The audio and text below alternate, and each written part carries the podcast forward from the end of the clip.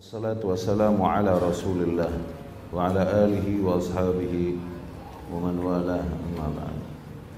Ikhwati rahimakumullah.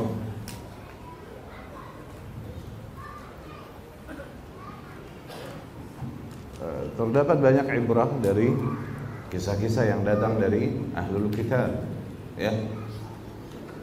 Eh, dan demikianlah syariat kita menegaskan Rasul sallallahu alaihi wasallam berkata hadithu an bani Israel wala haraj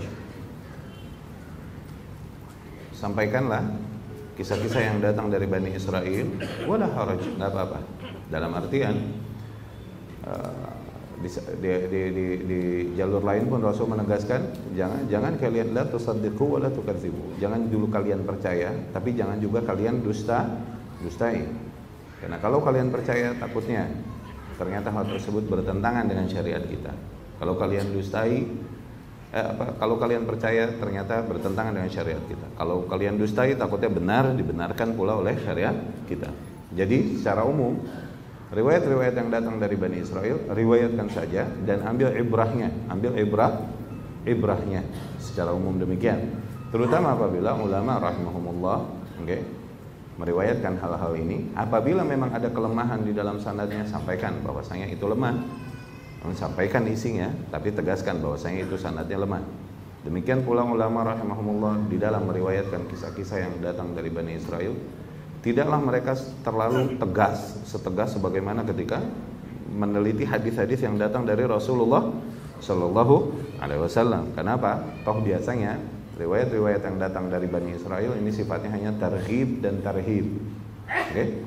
Pada hadis-hadis yang sifatnya tarhib dan tarhib, ya, para ulama rahimahumullah sering kali ya, tentunya tidak seketat kriteria ketika Ya, meneliti riwayat yang datang dari Rasulullah Shallallahu Alaihi Wasallam. Tidak terseketat demikian, karena fungsinya hanya mengambil ib, ibrah.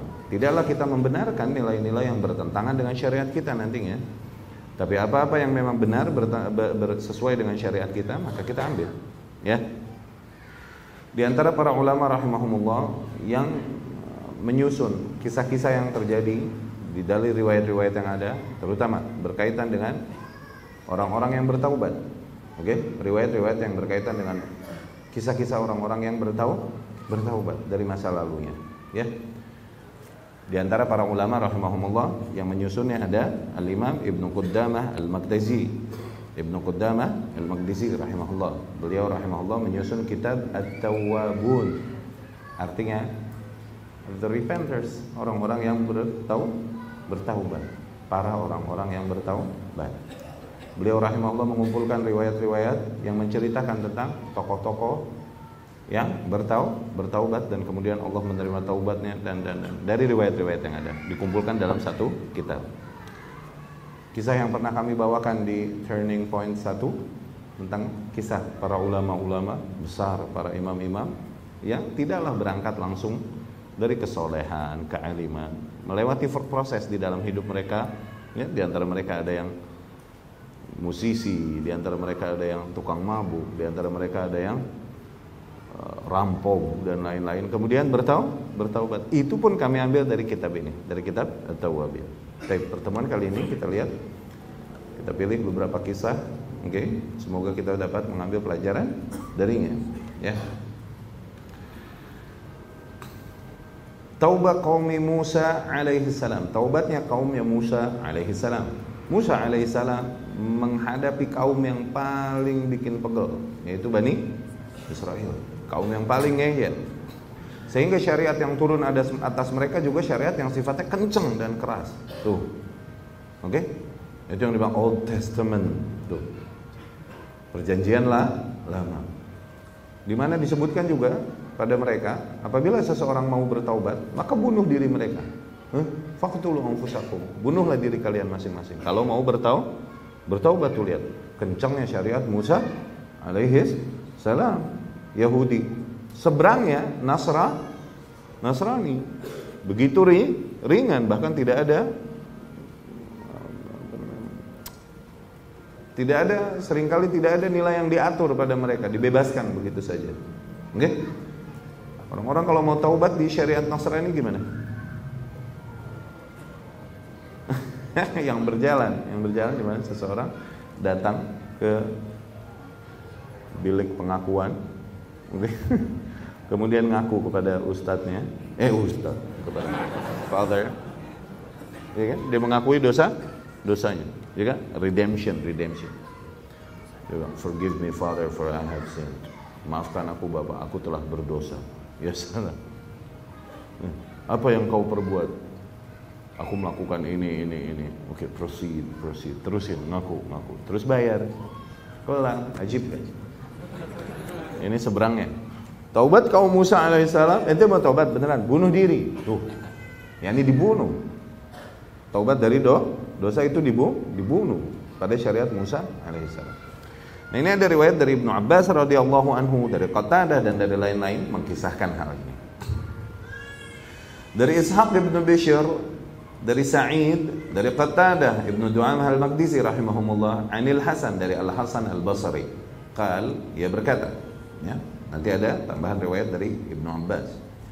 Aqbala Musa alaihi salam yas'alu rabbah. Musa alaihi salam datang menghadap Tuhannya dan memohon kepada Tuhannya azza wa jalla ayyatuba ala qaumi agar Allah menerima taubat kaumnya min ibadatil ijl dari sesembahan kepada ijl, kebo, anak sapi.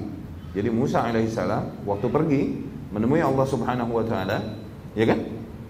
Di Wadil Muqaddas itu, pas pulang kaumnya taunya udah pada nyembah Hah? Anak sapi, ya kan? Kerjaannya siapa? Samiri itu. Kerjaannya Samiri dia ngumpulin emas-emas dari kaumnya kemudian dilelehkan terus dibentuk dibentuk sa sapi. Kemudian antok dengan sihirnya jin ini membuat nih sapi, anak sapi dari emas ini berbicara, berbicara. Akhirnya mereka menyembah anak sapi tersebut. Parah ini. Dosa kesyiri, kesyirikan. Tapi mereka bertaubat darinya, menyesali dosanya itu dan Musa pun alaihissalam memohon kepada Allah Subhanahu wa taala agar mengampuni kaumnya. Allah pun berkata, faqal, Allah pun berkata, "Ya Musa, la taubata lahum illa ayaqtulu anfusahum." Tidak ada taubat bagi mereka kecuali mereka membunuh diri mereka masing-masing. Oke? Okay? Faraja'a Musa alaihi salam. Akhirnya Musa pun alaihi salam kembali ila qaumi kepada kaumnya. Faqal dan dia berkata, "Ya qaum, wahai kaum, inna Allah aba an yaqbala minkum taubatakum." Sesungguhnya Allah enggan menerima taubat kalian illa an taqtulu anfusakum kecuali apabila kalian bunuh diri kalian masing-masing fatilka taubatukum firman Allah Subhanahu wa taala dzalikum khairul lakum inda bari'ikum eh? itu lebih baik bagi kalian di sisi Tuhan kalian pencipta kalian. Qalu kaumnya berkata ya Musa nasbir li amrillah. Wahai Musa kami akan bersabar menjalankan perintah Allah. Nah ini sabar dari sabar dari perintah perintah. Kalaupun berat hati ya kan? Seperti perkataan Ismail alaihissalam kepada ayahnya. Iya kan? Waktu ayahnya, yakni Ibrahim alaihissalam berkata kepadanya, "Ha? Inni ra'aitu fil manami anni asbahu." Sesungguhnya aku melihat di mimpi sering kali aku menyembelihmu. Ismail pun berkata, "Ya abati fa'al ma tu'mar." Wahai ayahku, lakukan apa pun yang kau diperintahkan. Satajiduni insyaallah minas sabirin. Sesungguhnya Insya Allah kau akan menemukanku dalam kondisi bersabar. bersabar. Ini bersabar itu perintah Allah Subhanahu wa taala. Sabar kalaupun berat hati. Sabar. Itu. Wahai Musa, kita akan bersabar menjalankan perintah Allah Azza wa Jalla wa nadimal qaumu ala ma. Mereka pun menyesali apa yang telah mereka perbuat, yaitu menyembah anak kebo, anak sapi. Fa akhadha Musa alaihi salam minhum al-misaq la yasburun lil qatli wal qadha. Musa pun alaihissalam mengambil sumpah mereka, mengangkat sumpah mereka agar mereka bersabar untuk dieksekusi. Faqulu na'am, mereka pun berkata ya. Fa asbahu ghudwatan bi athniyatil buyut. Kullu bani abin ala hiyalihim. Kemudian keesokan harinya pagi-pagi mereka semua telah berada di halaman-halaman rumah mereka setiap bapak dan anaknya dan keluarganya saling berdekatan satu sama lain setiap keluarga. Fa'amara Musa, kemudian Musa alaihissalam memerintahkan alladzin lam yakunu abu abadu al-ijl. Musa alaihissalam memerintahkan orang-orang yang tidak ikut menyembah anak sapi kemarin? Okay? Musa memerintahkan mereka min bani Israel dari golongan bani Israel ayyakhudhu as-suyuf agar mereka mengambil pedang-pedang mereka fayaqtulu man lahu dan membunuhi mereka semua membunuhi orang-orang yang terjadi padanya kasus demikian. Famasyaw fil askar. Mereka pun berjalanlah dalam sebuah bentuk pasukan. Faqalu mereka berkata, rahimallahu man lam yahillu habwata. Semoga Allah merahmati mereka yang tidak merangkak lari, merangkak lari. Oke? Okay? Semoga Allah merahmati mereka yang bersabar menerima hukumannya dan tidak merangkak lari. Walam yarfa' basarah. Semoga Allah merahmati mereka yang tidak mengangkat pandangannya. Walam yamtani' biyadihi wala rijli. Semoga Allah merahmati mereka yang tidak menahan pedang dengan tangannya kah atau dengan kakinya. Walam yakif min majli, walam yakum min majlisi. Semoga Allah merahmati mereka yang tidak berdiri dari duduknya karena takut. Hatta yuqdiyallahu qada'ah sehingga dijalankan eksekusi atasnya. Qal fakutilu Kemudian Hasan al-Basri berkata melanjutkan kisahnya, mulailah mereka dibunuhi satu persatu. Hatta in kana ar-rajul min bani Israel la ya'ti qaumah wa hum bi afniyati buyutihim. Sehingga seseorang di antara bani Israel tersebut mungkin mereka lari menghampiri kaumnya yang duduk di halaman-halaman rumah mereka dan berkata kepadanya, Yaqul, inna haula ikhwanukum ataukum syahirin suyuf. Sesungguhnya mereka saudara-saudara kalian mendatangi kalian dengan pedang yang terhunus. Fattaqullaha wasbiru, maka bertakwalah kalian kepada Allah dan bersabarlah kalian. Fa inna la'natallahi wa malaikatihi, sesungguhnya laknat Allah dan para malaikatnya ala rajulin halla habwatah kepada mereka yang merangkak lari. Au qama min majlisi atau berdiri dari duduknya. Au khaddada ilaihim tarfah atau mengintip pedang yang menyambarnya. Au au ittaqahum biyadin au rijl dan juga kepada mereka yang menahan pedang dengan tangannya kah atau dengan kakinya. Fayaqulun amin. Mereka pun semua berkata amin. Wa an ibn Abbas dan dari Ibnu Abbas radhiyallahu anhu qal ia berkata qala al-qaum hina umiru ay yaqtulu ba'd ay yaqtula ba'dhum ba'dha kaum tersebut pun berkata ketika diperintahkan atas mereka dan mereka saling membunuh mereka pun berkata ya Rasulullah Kaifa naqtulul aba wal abna wal ikhwah ya Rasulullah? Bagaimana mungkin kami dapat membunuh ayah kami sendiri, anak-anak kami sendiri, saudara-saudara kami sendiri? Qal Kemudian Ibnu Abbas berkata, "Fa anzalallahu alaihim zulma." Pada saat itu Allah turunkan atas mereka kondisi yang sangat gelap luar biasa. La yara ba'dhum ba'dan sehingga mereka tak, tak bisa melihat satu sama lain. Faqataluhum. Akhirnya dengan mudah mereka dapat membunuhnya. Yani nggak lihat siapa yang dibunuh karena gel gelap. Faqalu mereka pun berkata ya Musa ma ayatu taubatina wahai Musa apa ciri-ciri bahwa taubat kami telah diterima qal Musa berkata antakum as-suyuf was-silah fala taqtul wa turfa ankum ketika pedang-pedang tersebut tertahan dari kalian nggak bisa memukul kalian oke okay? ketika senjata-senjata tersebut tertahan dari kalian dan kemudian ketika hilang dari kalian kondisi gelap ini, maka itu diterima. Telah kalian telah diampu, diampuni. Faqatalu hatta balaghatid dima al-mi'zar. Terus mereka akhirnya mulai membunuhi orang-orang tersebut sehingga darah banjir, sehingga banjir dah banjir darah, darah menggenang di mana-mana. Wa khadu fiha, mereka pun tenggelam dalam darah. Ini ungkapan mubalaghah, ungkapan hiperbo hiperbolis. Wasaha sibyan ila Musa. Dan para bayi-bayi pun berteriak menghampiri Musa alaihissalam anak-anak kecil yaqulun mereka berkata ya Musa al-afwa al-afwa. Wahai Musa maafkan maafkan. Wa baka Musa ila Allah. Musa pun menangis kepada Allah Subhanahu wa taala. Fa anzalallahu azza wa jalla rahmata wa qama silah. Pada saat itu Allah Subhanahu wa taala turunkan atas mereka rahmatnya dan tertahanlah senjata-senjata dari mereka wanada Musa akhirnya Musa pun alaihi salam menyeru mereka irfa'u an ikhwanikum tinggalkan saudara-saudara kalian yakni jangan teruskan bu bunuh. Tinggalkan saudara-saudara kalian. Faqad nazalatir rahmah, sungguh rahmat Allah telah turun. Wartafa'at anhum zulma, telah hilang kondisi gelap dari mereka. Fatakashafat anil qatla. Mulailah tampak orang-orang yang telah terbunuh, terbunuh dan sebagian masih tersi, tersisa. Ibnu Abbas kemudian berkata, "Qatlahum syuhada." Mereka yang telah terbunuh pada saat itu, maka mereka mendapatkan gelar syahid wa ahya'uhum dan orang-orang yang masih hidup di antara mereka maghfurun lahum diampuni bagi mereka dosa-dosanya ya demikian di antara kisah taubat kaumnya Musa alaihi salam. Kemudian ikhwani rahimakumullah Zikru tawabin min ahadil umam al-madiyah Sebutan kisah tentang orang-orang yang bertaubat dari kaum-kaum terdahulu. Okay? Di antara yang taubat Ashabul Ghar, the cave men. Ashabul Ghar, the cave men. Manusia-manusia gua. Bukan manusia yang tinggal di gua, kebenaran lagi di gua kejepit. Ya, tertutup guanya. Ya.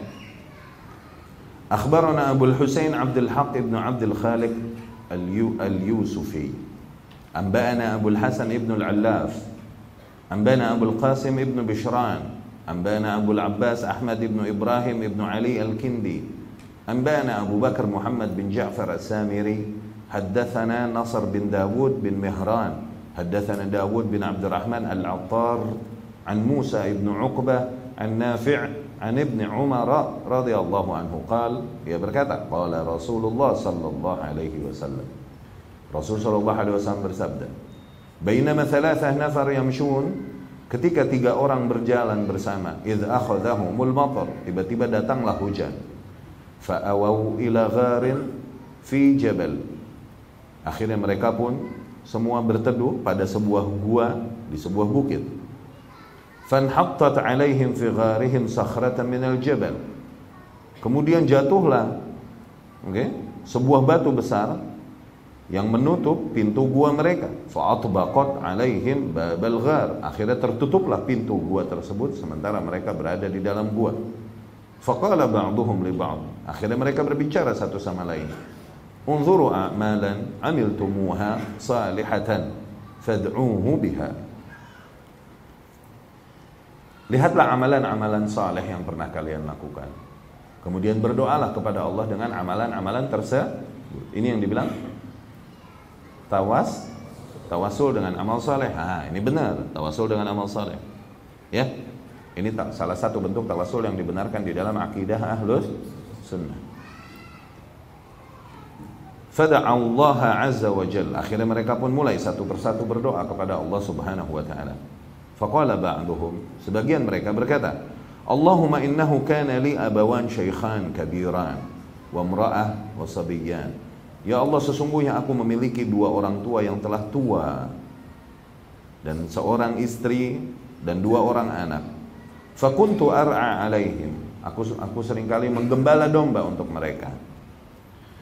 فإذا رحت إليهم حلبت فبدأت بوالدي أسقيهما قبل بني Nah, apabila aku kembali kepada mereka di malam hari, di sore hari atau malam hari, maka aku pun peras dari susu kambingku, kemudian aku mulai memberikan susu tersebut kepada kedua orang tuaku. Memulainya dengan kedua orang tuaku sebelum anak-anakku. Wa innahu nada biya talabu syajar. Suatu hari aku pergi menggembala begitu jauh. Falam ati hatta amsait. Sehingga aku pulang ke rumah kesorean. Fawajadtuhuma qad nama. Akhirnya aku menemukan kedua orang tuaku telah tidur. Fahalabtu kama kuntu ahlib. Kemudian aku pun mulai memeras susu kambingku sebagaimana seperti biasanya. Faji'tu fakumtu inda ru'usihima. Aku pun datang membawakan susu kambing tersebut kepada kedua orang tuaku dan aku pun duduk di dekat kepala mereka. Akrah an uqidhahuma. Aku tapi tak mau, nggak tega membangunkan kedua orang tuaku. Wa akrah an abda bisibyah qablahuma. Tapi aku pun tak mau memberikan susu ini kepada anak-anakku dulu sebelum aku berikan kepada kedua orang tuaku. Faja'alu yatadaghawna 'inda qadami. Akhirnya anak-anakku pun menangis dan terus merengek di kakiku meminta susu yang kupegang tersebut. Ya, kebayang nggak? Anak ngerengek sama orang tuanya minta kelaparan, dia minta susunya. Tapi tetap dia bertahan dan dia nggak kasih. Falam azal kadzalik da'bi wa da'buhum hatta tala'al fajar. Terus demikian mereka merengek kepadaku sampai datang pagi hari. Fa in kunta ta'lam anni fa'altu dzalik ibtigha'a wajhik apabila kau tahu wahai Allah aku lakukan hal tersebut demi mengharapkan ridhamu fafruj anna furjatan nara minha sama maka bukalah bagi kami sedikit jalan sehingga kami dapat melihat kembali langit fafarrajallahu azza wa jalla lahum furjah Allah pun geserkan sedikit batu yakni membuka sedikit jalan untuk mereka okay? Yani dia bertawasul kepada Allah Subhanahu wa taala dengan apa? Dengan birrul walidain. Di situ bertentangan di hatinya antara rahmat dia, cinta dia yang fitri yaitu apa? akan memberikan apa pun kepada anaknya, tapi antara baktinya kepada orang tua. Biasanya seseorang akan kalah kepada kecintaan fitrinya kepada ah, anaknya, tapi dia demi mengharap ridha Allah dia bertahan, tetap dia tak mau memberikan hak anaknya sebelum dia memenuhi hak kedua orang tuanya. Dia bertahan terus demikian sama sementara anak-anaknya menguji kesabarannya. Mereka menangis, merengek di kakinya itu minta susu tersebut tapi dia bertahan terus demi memberi untuk orang tuanya. Itu semua apabila kau tahu ya Allah. Apabila memang hal tersebut aku lakukan ikhlas untukmu, maka bukakanlah jalan bagi kami. Bergeser batu tersebut. Cuman belum gede nih, masih belum bisa kelu keluar. Tuh. Kemudian faqala al-akhar, orang kedua berkata, "Allahumma innahu kanat libnatu am." Ya Allah, sesungguhnya aku punya seorang sepupu, yakni putri dari pamanku. Fa ahbabtuha ka ashaddi ma yuhibbu rijal an-nisa dan sungguh aku sangat mencintainya sebagaimana secinta-cintanya seorang lelaki kepada seorang wanita. Fatalabtu ilaiha nafsaha. Akhirnya aku pun memohon kepadanya agar aku mendapatkan dirinya. Oke? Okay? Fa'abad alai. Dia pun tak mau memenuhi keinginanku. Hatta atiha bi'ah dinar. Kecuali aku memberikan dia 100 dinar. No. Kalau 100 dinar, baru aku bagi diriku padamu. Fasa'aitu hatta jama'tu mi'ata dinar. Akhirnya aku pun berjuang sehingga aku kumpulkan 100 dinar. Faji'tuha biha. Akhirnya aku datangi wanita tersebut dengan 100 dinar itu.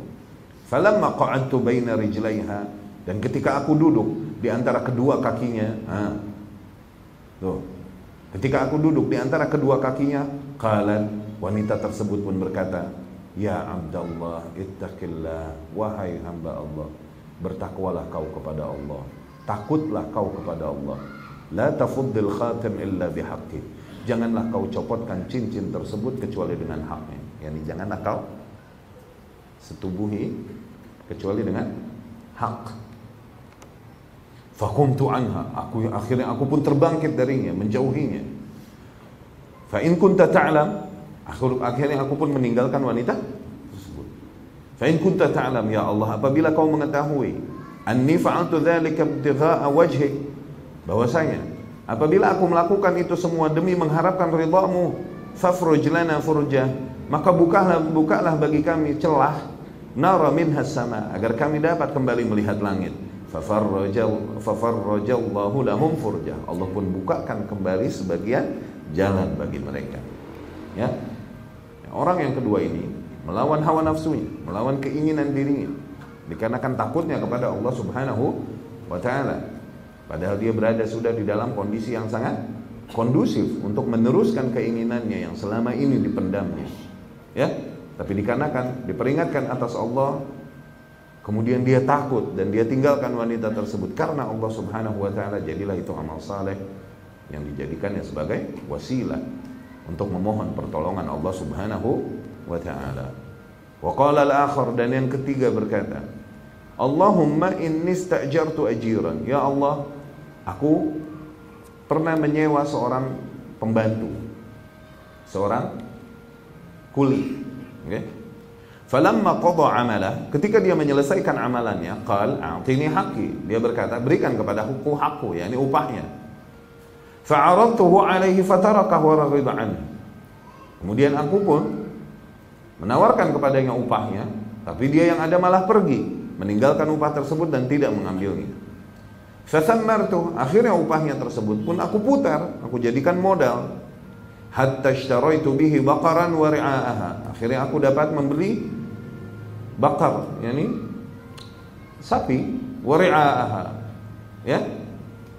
Dan kemudian aku pun dapat membeli ladang Faja'ani ba'da hin, ba'da hin. Kemudian setelah beberapa lama, kulit tersebut pun kembali kepada aku. Faqal dia berkata, "Ittaqillah wa la tuzlimni haqqi." Bertakwalah kau kepada Allah dan janganlah kau zalimi hakku. Ya, ini janganlah kau rampas hakku. Fakultu, ya ini mana bayaranku? Begitu. Fakultu maka aku pun berkata, "Intalik fakhudh tilka wa ra'aha." Pergilah kau, ambil sapi itu dan ambillah semua ladang tersebut. Faqal ia pun berkata, "Ittaqillah wa la tastahzi'u bi." Bertakwalah kau kepada Allah, janganlah kau mengolok-olok aku. Aku yakni upahku segimana? Masa aku ngambil tuh sapi sama ladang-ladangnya? Fakultu, aku pun berkata, "Inilah astahzi'u bi." Sesungguhnya aku tidak main-main denganmu. Fakhudh tilkal baqar wa ri'aha. Ambillah kebo tersebut dan ri'anya. Fa akhadhaha wa dhahab. Akhirnya dia ambil dan dia pergi. Fa in kunta ta'lam anni fa'altu dzalika ibtigha'a wajhik. Apabila engkau tahu ya Allah bahwasanya aku melakukan hal tersebut demi mengharapkan ridhamu, fafruj lana ma baqi. Maka bukalah sisa jalanan bagi kami. Fafarrajallahu anhum. Akhirnya terbukalah, bergeserlah semua batu tersebut sehingga mereka dapat lewat dan kelu keluar.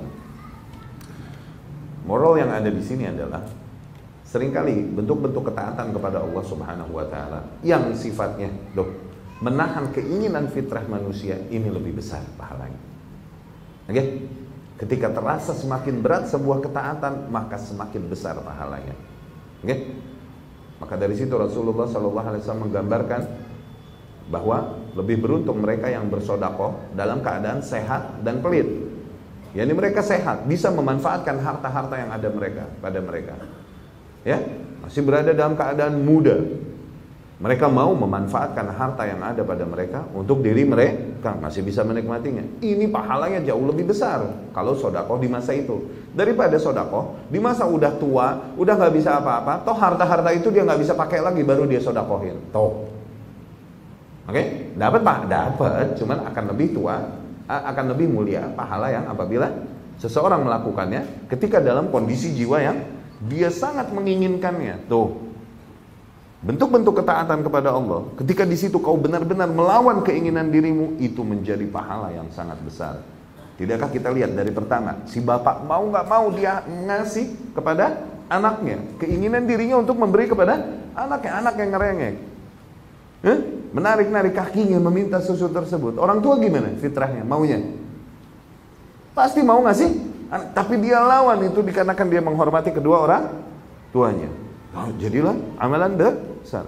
Si orang yang kedua, lelaki menginginkan wanita dan telah berada di posisi yang sangat kondu, kondusif.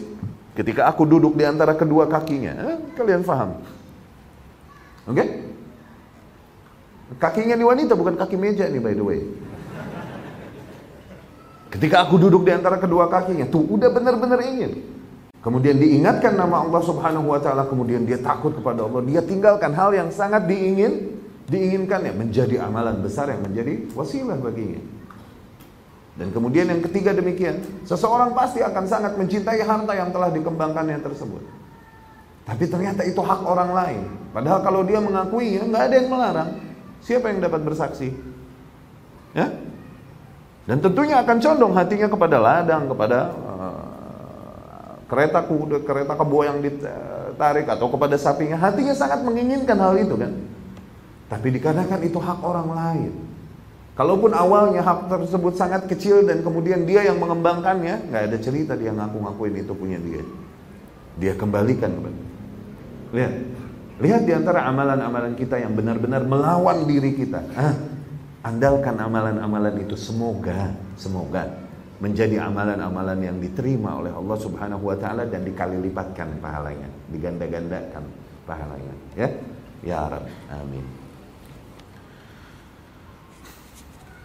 Kemudian di antara kisah taubat yang disebutkan taubat al-kifl. Al-kifl ini seorang pak yang hidup di masa masa-masa jauh dulu, masa-masa Bani Israel. Namanya kifl. Pernah dengar ceritanya? Kifl. Ini hadisnya diriwayatkan oleh Imam At-Tirmidzi rahimahullah tentang kifl. Ya. Qala Muhammad bin Ja'far, Muhammad bin Ja'far rahimahullah berkata, Akhbarana Abdul Razak bin Mansur Ad-Darir telah berkata kepada kami telah mengkhabarkan kami Abdul Raz Abdul Razak bin Mansur Ad-Darir.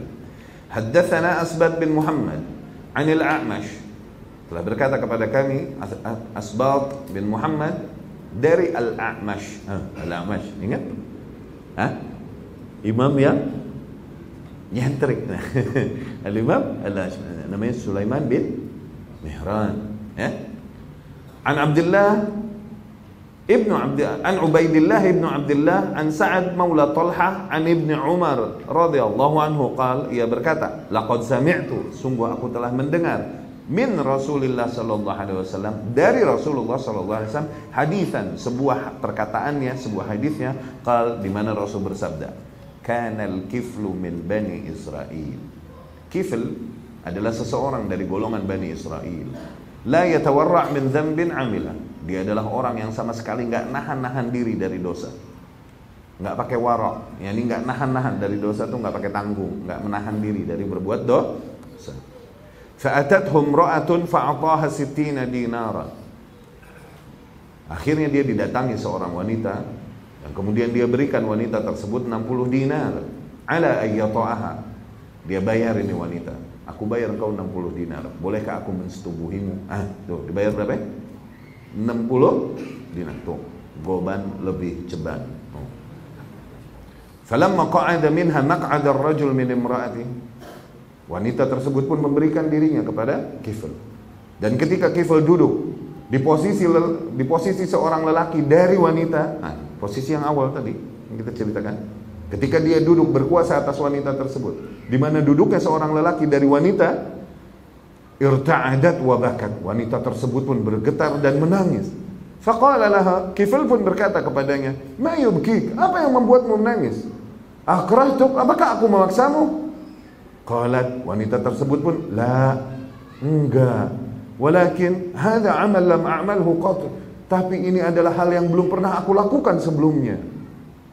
Qal, Kifl pun berkata, "Falima taf'alina hadha wa lam takuni fa'altihi qat?" Lalu mengapa kau lakukan ini sekarang kalau sebelumnya kau belum pernah melakukannya? Qalat, wanita tersebut pun berkata, "Hamalatni alaihi hajah." Sungguh sebuah kebutuhan mendesakku sehingga aku melakukan hal ini. Ya, ini butuh fu, butuh fulus tadi. Qal, akhirnya fatarakaha. Kifl pun meninggalkannya Thumma qal idhabi. Kalau gitu pergilah kau. Wadananir lak. Dan semua dinar-dinar itu ambillah untukmu. Tuh, nggak jadi dicobain. Ambil dan bawa pergi semua dinar-dinar itu untukmu. Thumma qal. Kemudian Kifl berkata, bertekad. Wallahi la yu'sillahu al-kifl abadan. Demi Allah, setelah ini Kifl takkan memaksiati Allah subhanahu wa ta'ala. Taubat min hin. Dia taubat pada saat itu juga. Famata min laylatih. Malam itu juga kifl taubat. Fa asbaha maktuman ala babih. Ghafarallahu lil kifl. Sehingga tiba-tiba di pagi hari di pintu rumahnya telah ada cap tulisan Allah telah mengampuni kifl. Taubat pada malam itu juga. Ya? Baru taubat malam itu dan mati malam itu. Di antara juga riwayat yang mengkhabarkan tentang tawabin, tentang orang-orang yang bertaubat. Anba'ana Syekh Abu Faraj Abdul Rahman bin Ali al-Imam. Anba'ana Abdul Malik ibn Abi Qasim. Qal, ia berkata, أخبرنا محمد بن علي بن عمير. أخبرنا محمد بن محمد بن عبد الله الفامي. أخبرنا محمد بن أحمد المرواني قال يا بركتا حدثني محمد بن المنذر شكر. قال يا بركتا حدثني الفضل ابن عبد الجبار الباهلي. أنبانا إبراهيم ابن الأشعث حدثنا معتمر ابن سليمان عن أبي كعب sahib Al-Harir Anil Hasan dari Al-Hasan yakni Al-Hasan Al-Basri. Qal ia berkata kanat imra'atu baghin pada masa dulu terdapat seorang wanita baghi. Yakni baghi yakni artinya jablai. Apa? Pelacur ya. Jablawiyun jablawiyat. Itu jamaknya. Jangan ditulis bohong itu. Buat aja. Terdapat seorang wanita pelacur. Laha thuluthul husni. Dia memiliki sepertiga kecantikan wanita. Allah. Maknanya Allah subhanahu wa ta'ala jadikan kecantikan ini 100%. Oke? Okay? Sepertiganya diberikan kepada satu individu. Sisanya dibagi kepada seluruh wanita di muka bumi dari awal penciptaan sampai kiamat. Tuh. Ini wanita dapat seperti, gak kebayang gak cantiknya kayak apa? Sebagaimana Yusuf alaihissalam diberikan analoginya oleh Rasulullah sallallahu alaihi wasallam. Allah menciptakan ketampanan nih, keindahan 100 per 50 persennya diberikan kepada satu individu yaitu Yusuf. 50 persennya dibagikan kepada para manusia dari awal penciptaan sampai kia. Kita ini cuma berbagi dari yang 50 per Yusuf alaihissalam dapat gocap no sendirian. Oke? Okay? Sehingga mempesona. Ya hasya lillahi bashar. Sehingga para wanita ketika melihatnya, ya Allah, ini sih bukan orang. In hadha illa malak. Ini si malaikat nih. Tuh, para wanita ketika melihat yuk, Yusuf alaihissalam. Falamma ra'ainahu qatta'na aydiyahun. Ketika nih wanita lagi motong-motong buah pakai pisau, terus mereka melihat Yusuf, tak sadar mereka potong-potong tangan mereka. Allah, kebayang nggak? Ini wanita kalau lagi motong-motong buah terus dia lihat ente disambit nih pisau bro. Tapi dia lihat ya Yusuf alaihissalam nggak sadar dia potong. Kalau lu yang dilihat bangsa disambit tuh pisau, nancep ke dia, jep. Geli ini hari. Tapi ngelihat Yusuf alaihissalam bilang, Hasya lillah. Tuh, Hasya lillah. Ma bashar. Ini sih bukan orang nih. Tuh, lihat ungkapan Allah di dalam Al-Qur'an. Ya. Syuk ala kulihan. Terdapat seorang wanita pelacur pada masa itu. Dia memiliki sepertiga kecantikan. Uh, primadona pada masa ini. La tumakkin min nafsiha illa bimi'ah dinar. Dia tidak membiarkan lelaki menikmati tubuhnya kecuali cepet. 100 di dinar. Wa innahu absaraha abidun fa'ajabathu. Suatu hari seorang ahli ibadah melihatnya, kemudian dia terpesona kepadanya. Pada pandangan pertama, langsung dia ambisi untuk menginginkan, untuk mendapatkan di wanita. Fadhahaba fa'amila biyadaihi wa'alaj fajanna' mi'ata dinar. Akhirnya ahli ibadah tersebut pun pergi. Dia berjuang, bekerja sebisa mungkin, sekuat tenaga. Dia bekerja habis-habisan, dia kumpulkan 100 dinar. Tuh, lihat. Terobsesi, ini obsessed melihat nih wanita yang memiliki sepertiga kecantikan. Faqalat lahu eh Thumma ja'a ilaiha. Setelah dia kumpulkan 100 dinar, dia datangi wanita tersebut faqal. Dia berkata, "Innaki a'jabtini fantalaqtu fa'amiltu biyadai." Sesungguhnya kau telah membuatku terpesona. Maka aku pun pergi bekerja sebisa mungkin sekuat tenaga dengan kedua tanganku. Wa aku berjuang habis-habisan. Hatta jama'tu mi'ata dinar sehingga aku kumpulkan 100 dinar ini. Faqalat lahu ni wanita kemudian berkata kepadanya udkhul. Kalau gitu masuk. Tuh dia punya kamarnya sendiri punya kamar nih wanita masuklah lelaki tersebut. Fadakhal wa kana laha sarir min dhahab Ternyata di wanita memiliki ranjang dari emas. Ranjang dari emas. Fajalasat ala saririha. Wanita itu pun duduk di ranjangnya. Thumma qalat lahu. Kemudian wanita itu berkata kepadanya, Halum sini debang. Allah.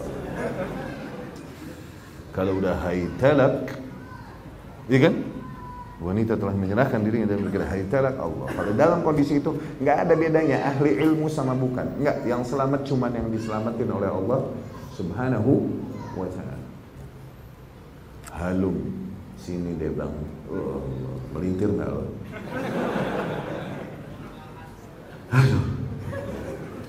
Falamma jalasa minha majlis al-khatim. Tuh, ketika lelaki duduk di hadapan ni wanita sebagaimana duduknya khatin yakni khitannya dia yakni posisi seorang lelaki dari wanita yang ingin disetubuhinya. Dzakara maqamahu baina yadayillah. Tiba-tiba ni lelaki ni ahli ibadah ingat posisinya kelak di hadapan Allah Subhanahu wa taala. Fa akhadhathu tiba-tiba dia bergetar ketakutan luar biasa. Faqala laha. Ni lelaki pun berkata kepada ni wanita utrukini akhruj biarkan aku keluar dari tempat ini. Walakal mi'ah dinar. Ambil 100 dinar itu untukmu nggak jadi itu bro nggak jadi dia tinggalkan ni wanita padahal dia sudah sangat berkuat berkuasa di situ sudah sangat kondusif ingat yang tadi kita sebutkan di cerita-cerita awal Seseorang ketika dia takut bertakwa kepada Allah pada kondisi yang udah sangat diinginkannya, udah sangat potensial dia untuk melakukannya, tapi dia tinggalkan demi ketakwaan kepada Allah. Ah, ingat? Akhirnya dia tinggalkan nih wanita dan biar berkata, biarkan aku keluar dari sini. Ambillah 100 dinar itu untukmu. Qalat wanita tersebut pun berkata, "Ma badalak? Wa qad za'amta annaka ra'aitani fa'ajabtuk." Apa yang terjadi denganmu? Bukankah kau tadi berkata bahwasanya kau telah melihatku kemudian kau terpesona padaku? Fadhahabta fa'alajta wa kadadta hatta jama'ta mi'ata dinar. Kemudian kau pergi berjuang sebisa mungkin bekerja dan sehingga kau kumpulkan 100 dinar. Falamma qadirta alai fa'alta alladhi fa'alt. Namun ketika kau berkuasa atasku, kau bisa menikmatiku, kemudian kau lakukan apa yang kau lakukan sekarang. Apa yang terjadi denganmu? Kata ni wanita. Faqal farakan minallah. Tuh, aku hindari engkau karena takut kepada Allah Subhanahu wa taala. Kata ni lelaki. Wa min maqami baina yadayhi. Aku takut posisiku kelak di sidang di hadapan Allah Subhanahu wa taala. Wa qad baghutti ilai. Tadinya kau adalah manusia yang paling aku cintai dan sungguh sekarang kau adalah manusia yang paling ku benci. Fa anti abghadun nasi ilai. Kau adalah manusia yang paling aku benci. Dia berkata demikian kepada ni wanita. Faqalat, wanita itu pun berkata, "In kunta sadiqan, apabila benar ini yang kau rasakan, fama li zaujun ghairuk, maka sungguh tak boleh aku menikahi lelaki lain selain engkau." Yani aku nikahkan diriku padamu. Ya Allah, sini deneng. Ya. Ni wanita semakin lelaki menghindarinya, justru dia semakin Yani dia ni never gets no. Ini wanita secantik demikian nggak pernah dikatakan kepadanya no. Tapi baru ini ada seseorang berani bilang no kepadanya. Allah yang kayak gini, loh bakal laki gue. Kata ini wanita, dia pun akhirnya melulu hatinya kepada ini lelaki. Sungguh aku tak boleh menikahi lelaki lain kecuali engkau. Fakal, ini lelaki berkata, Da'ini akhruj, awah. Biarkan aku keluar. Awahnya membuat itu.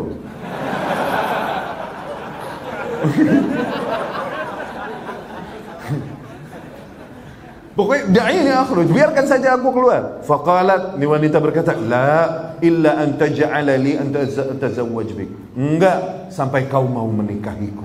Allah. Lihat.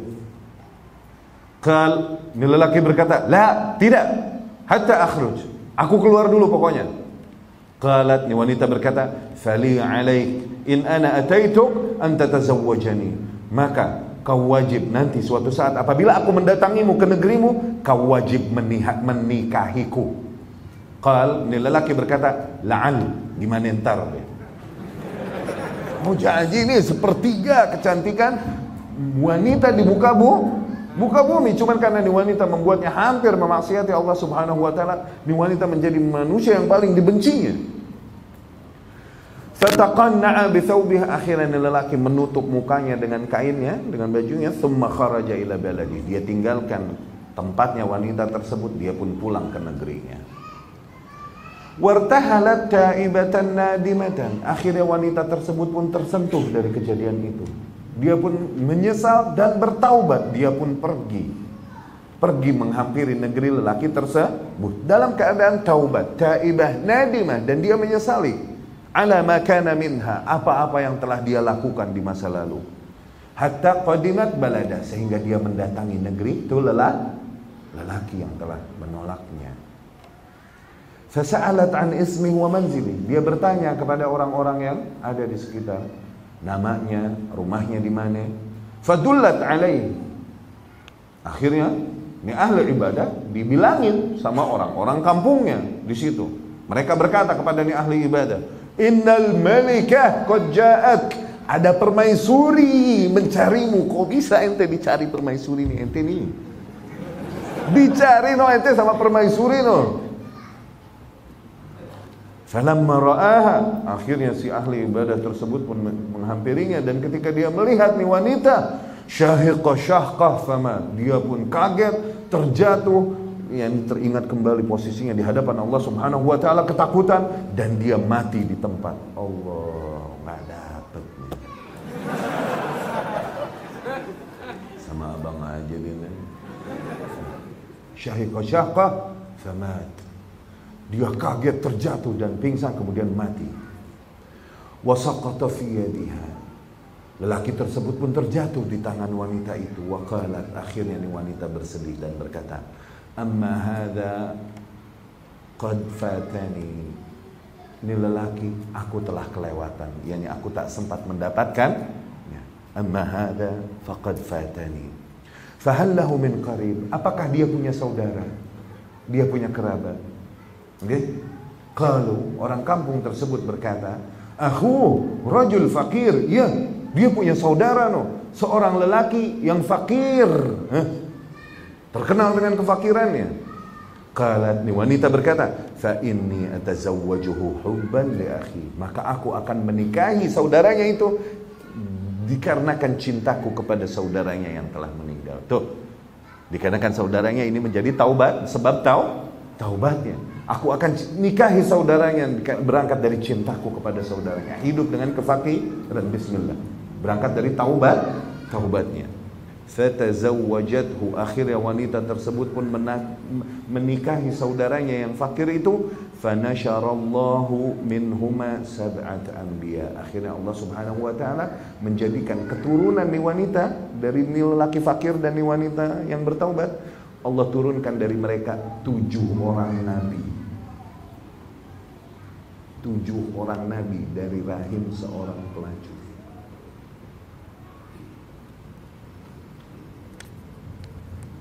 Nih. Hah?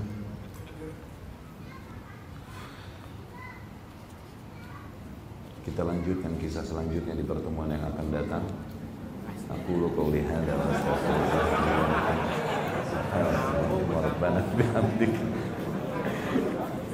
Maunya didongengin aja lu. Setel radio di rumah.